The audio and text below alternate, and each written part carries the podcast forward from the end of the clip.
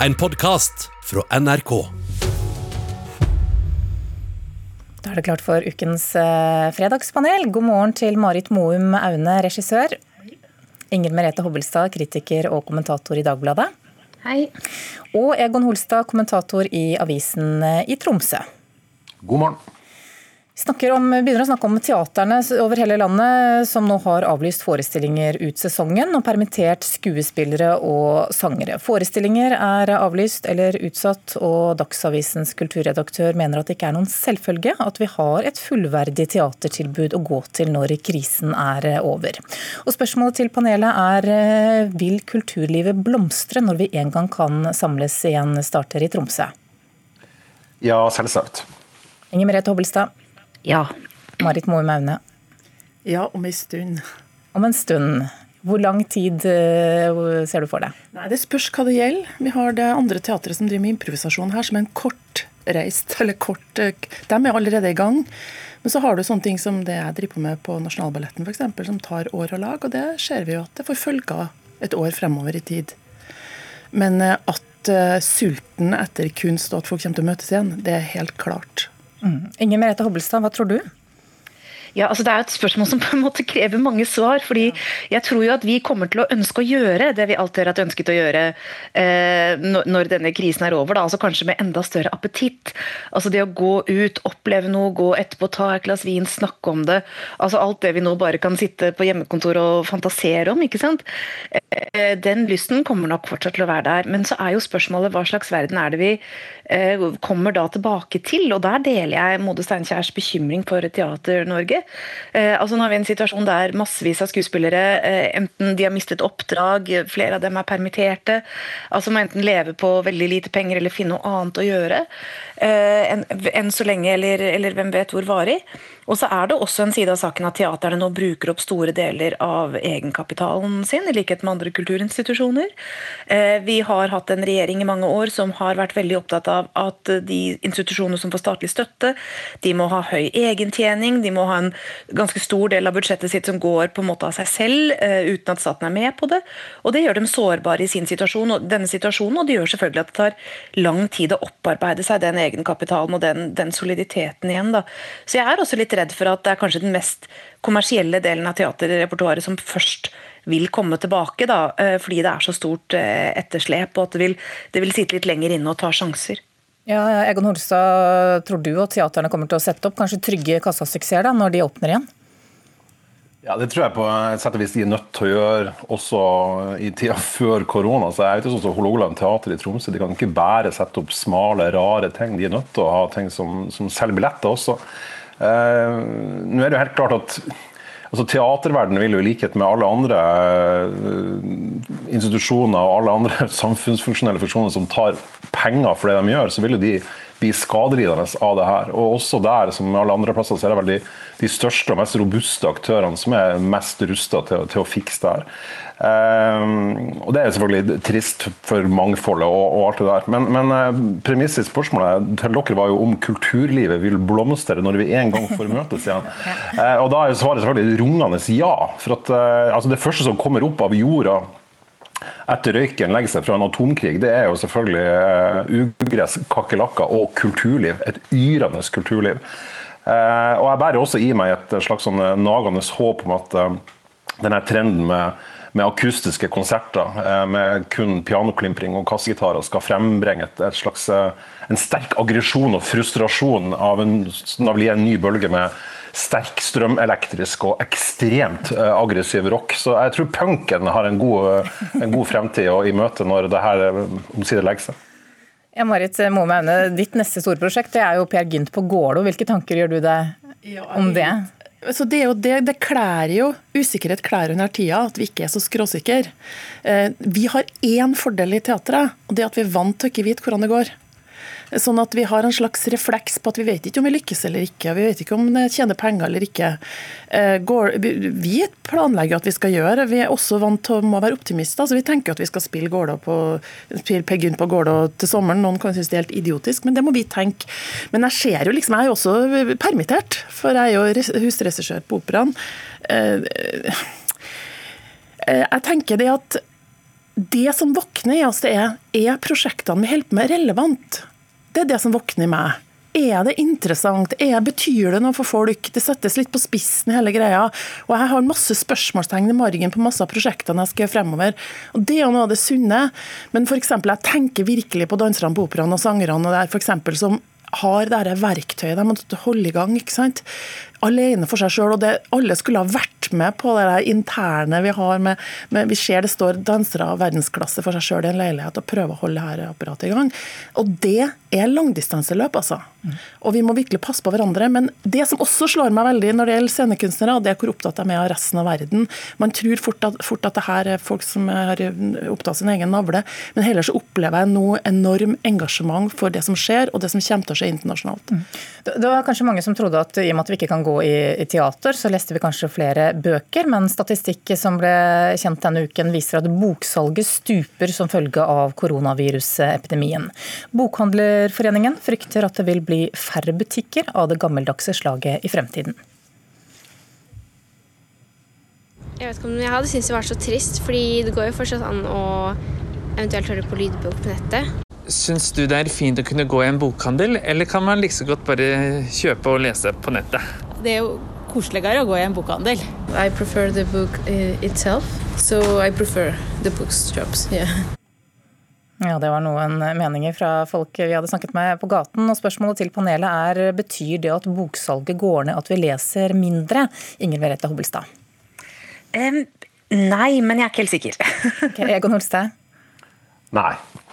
Marit Moe Maune? Ja og nei. Ok, Vi starter med deg, Inger Merete.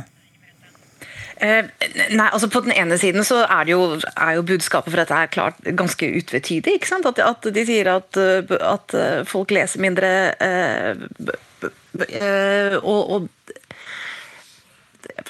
og, og hvordan, hvordan, det skjer, da. Men jeg tenker på en måte at altså Det å lese en bok det er noe, fremdeles noe stofflig forskjellig fra den elektroniske uh, utgaven. Altså Det er en sånn helt sånn særegen opplevelse å sitte uh, med en bok i hendene sammenlignet med det man har fått som er den alternative måten å ta det inn på.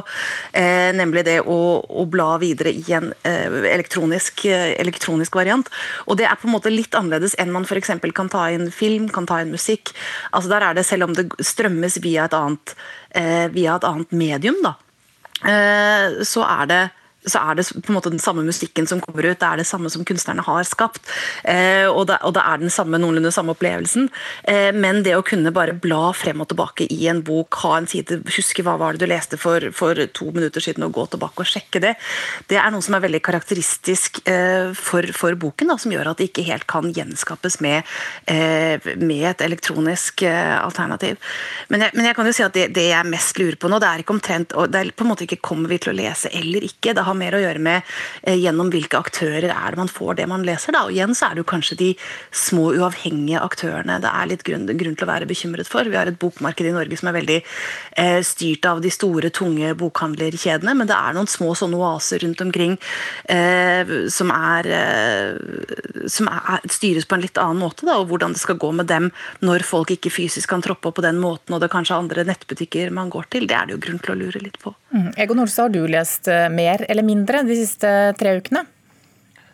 Nei, Jeg skulle alltid ønske jeg leste mer, men jeg kan ikke si at lesemønsteret mitt har endra seg så enormt som følge av det, det, viruset.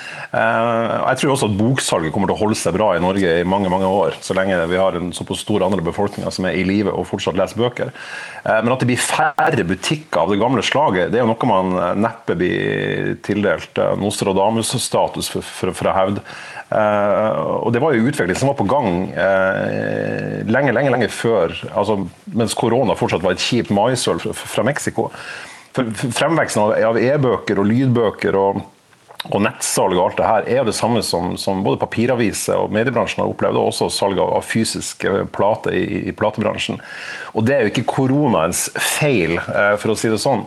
Eh, og det er klart, i, i, et land som Norge, som har 500 eh, hva jeg leser i hvert fall, 500 eh, bokhandlere eh, og 400 forlag, så er det noen av dem som kommer til å ryke uansett. Og, og, og der kan det hende at at det vi er inne i nå, gir utviklinga en, en, liten dytt mer i den retninga de allerede var på vei inn i. Men jeg tror likevel at, eh, at um, i byer av en viss størrelse så, så, kommer det til å eksistere gode bokhandlere, sånn som Tronsmo i Oslo for eksempel, og, og Bokhuset i, Tromsø. Glimrende eh, bokhandlere som jeg elsker å bruke penger på. Og Bokhuset her i Tromsø har jo blant annet også drevet kjørt ut bøker til folk, bøker og brettspill nå i, i, disse dager, for å, for å overleve. sånn at at de vil overleve på et eller annet vis, det er jeg helt sikker på. At de vil utfordres av teknologi og sånn, det er jeg selvfølgelig akkurat like sikker på. Men det skyldes jo ikke det vi er inne i nå. Og folk kommer til å lese ting. De vil bare kanskje konsumere det på en, på en annen måte. Mm. Marit Moum Aune, foretrekker folk en annen type litteratur når vi er i en sånn krise vi ser nå? Ja, Vi ser jo at eh, oppblomstring av det som er en konkurrent til boka, er jo TV-seriene. og dem er jo veldig veldig mange som oppsøker. Og så må vi huske på det, at det er en ganske stor del av Norges befolkning som overhodet ikke har tid til å lese. En stor del av Norges befolkning holder det her i gang. I helsevesenet, i butikker, i alt mulig. sånn at det er klart at det å måle handel av bøker akkurat nå er en litt rar øvelse. Um, og også det Jeg var på en bokhandel her en dag, det er jo ikke mennesker der. For, også fordi vi ikke oppfordra til å dra dit. Men for meg som da er dårlig innenfor nye medier, så har det åpna seg en ny verden. Og det er klart det at hele måten å kjøpe bøker på forandrer seg. Det, det sier seg sjøl. Vi er en stor endring. Det gjelder ikke bare bøker, det gjelder absolutt alt. Det er jo mye alvor nå, og dette alvoret kommer i alle kanaler. Antall døde, antall registrerte smittet. og Spørsmålet nå er om vi klarer å ta det inn, eller som paneldeltaker Egon Holstad spør i en kommentar denne uken, kan vi tulle litt nå? Marit Maune. Ja, alltid tull. Inger Merete Hobbelstad.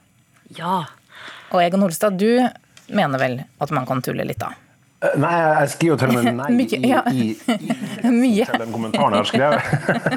Jeg skrev at eh, vi skal ikke ja, Vi skal ikke tulle litt nå, vi skal tulle en helvetes masse. Eh, og Det er klart, det å, det å slå inn vidåpne dører og, og, det er uhyre lite kontroversielt og, og, modig å stå frem i offentlighet og si at, at det er viktig å tulle. Men jeg, jeg tror på en måte at eller Jeg merka jo sjøl at den, den, situasjonen vi nå har vært i noen, noen uker, til tross for at vi, vi er ganske forskåna her i Norge sammenlignet med andre deler av verden, så er det sånn at det alvoret velter så kontinuerlig innover oss.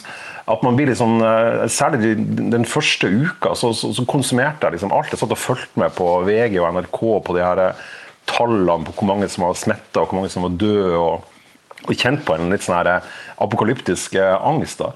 Eh, men det er jo nettopp da at, at humoren og tullet og tøyset og tant og fjaset har sin, sin, sin eh, klare og, og, og, og, viktige rolle.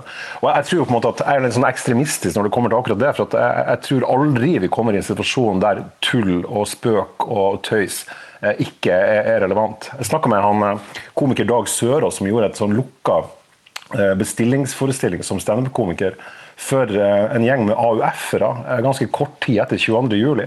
med beskjed om å, å røske litt tak i det humoristiske. Han sa det var en, en sånn sterk opplevelse, men at nettopp de var utrolig klar for å få tulle med noe som hadde prega dem så, så, ekstremt hardt og, og, alvorlig og seriøst. Så at vi skal komme i en situasjon der vi ikke skal tulle, eh, det håper jeg ikke. For da, da tror jeg vi snakker betydelig verre ting enn et virus. Mm, men Inger Merete Hovelstad, eh, det kan jo være noe da, når det er mye alvor som vi ikke kan tulle med, tross alt?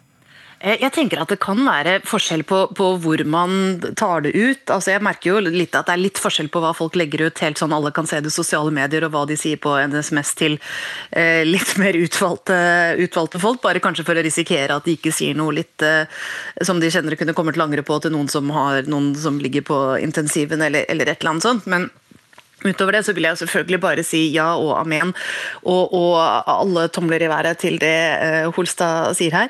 Uh, samtidig så har jeg også erfart at, jeg, at, det er noen interessante faser her.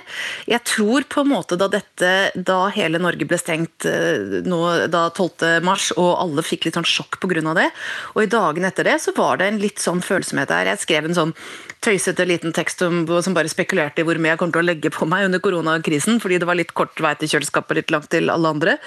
Og da fikk jeg noen e-poster av folk som var sånn Her har folk mistet levebrød, og så er du redd for å legge på deg. Altså Som liksom ikke eh, helt syns det, det, var noe å le av eh, i det hele tatt. Og jeg kan for så vidt også tenke meg at hvis det blir virkelig verre, altså hvis man kommer til en, en hvis dette varer og det kommer til å bli ordentlig krise, at flere kommer til å synes en del av humoren kan være litt upassende. Men jeg håper jo ikke det. Og jeg håper jo at det er en, både det at, det, at humoren kan være en, en, et litt eksil, da, et sånt rom der vi hviler og tøyser og, og ikke bryr oss om den typen følsomhet. Men også det at Altså, dette er jo på en måte en, en altoppslukende situasjon. ikke sant? Den rammer alle over hele verden, den rammer alle som bor i dette landet. Og den er absolutt verdt å belyse fra alle vinkler. Altså Det at du bemerker en fjasete liten side av det, det, går jo ikke på, det er ikke et nullsumspill. Det går ikke på bekostning av de seriøse nyhetene. Det gjør ikke at du er mindre opptatt av det. Eh, og det at det blir etablert som en slags allmenn forståelse, det, det håper jeg i hvert fall. Ja, eh, jeg tror også her at befolkninga delt i to. Jeg ringte søstera mi som er kommunelege, Anne, hun, eh, tvillingsøstera mi, og hun, jeg spurte eh, hva er liksom koronavitsen blant dere. Så sa hun vi har ikke sånn humor akkurat nå. Jeg har vært her i to timer, sa jeg til meg når jeg klokka åtte. Så det er klart at jeg tror også det som all all humor er lokal. Hvis du drar til et sted, så er det liksom, kan ingen andre skjønner ikke humoren. Eh, så sier jeg ja, men har dere det som heter sånn, hva det heter når det er sånn veldig alvorlig humor? Galgenhumor. Galgenhumor. Ja, men det er faktisk nesten litt fraværende. Så jeg tror nok at befolkninga er delt i to. Jeg tror vi må få lov å vitse litt, vi som har altfor god tid. Ok, Da må vi si tusen takk til ukens fredagspanel. Marit Moum Aune, regissør. Ingrid Merete Hobbelstad, kritiker og kommentator i Dagbladet. Og Egon Holstad, kommentator i Avisen i Tromsø. Du har hørt en podkast fra NRK. Hør flere podkaster og din favorittkanal i appen NRK Radio.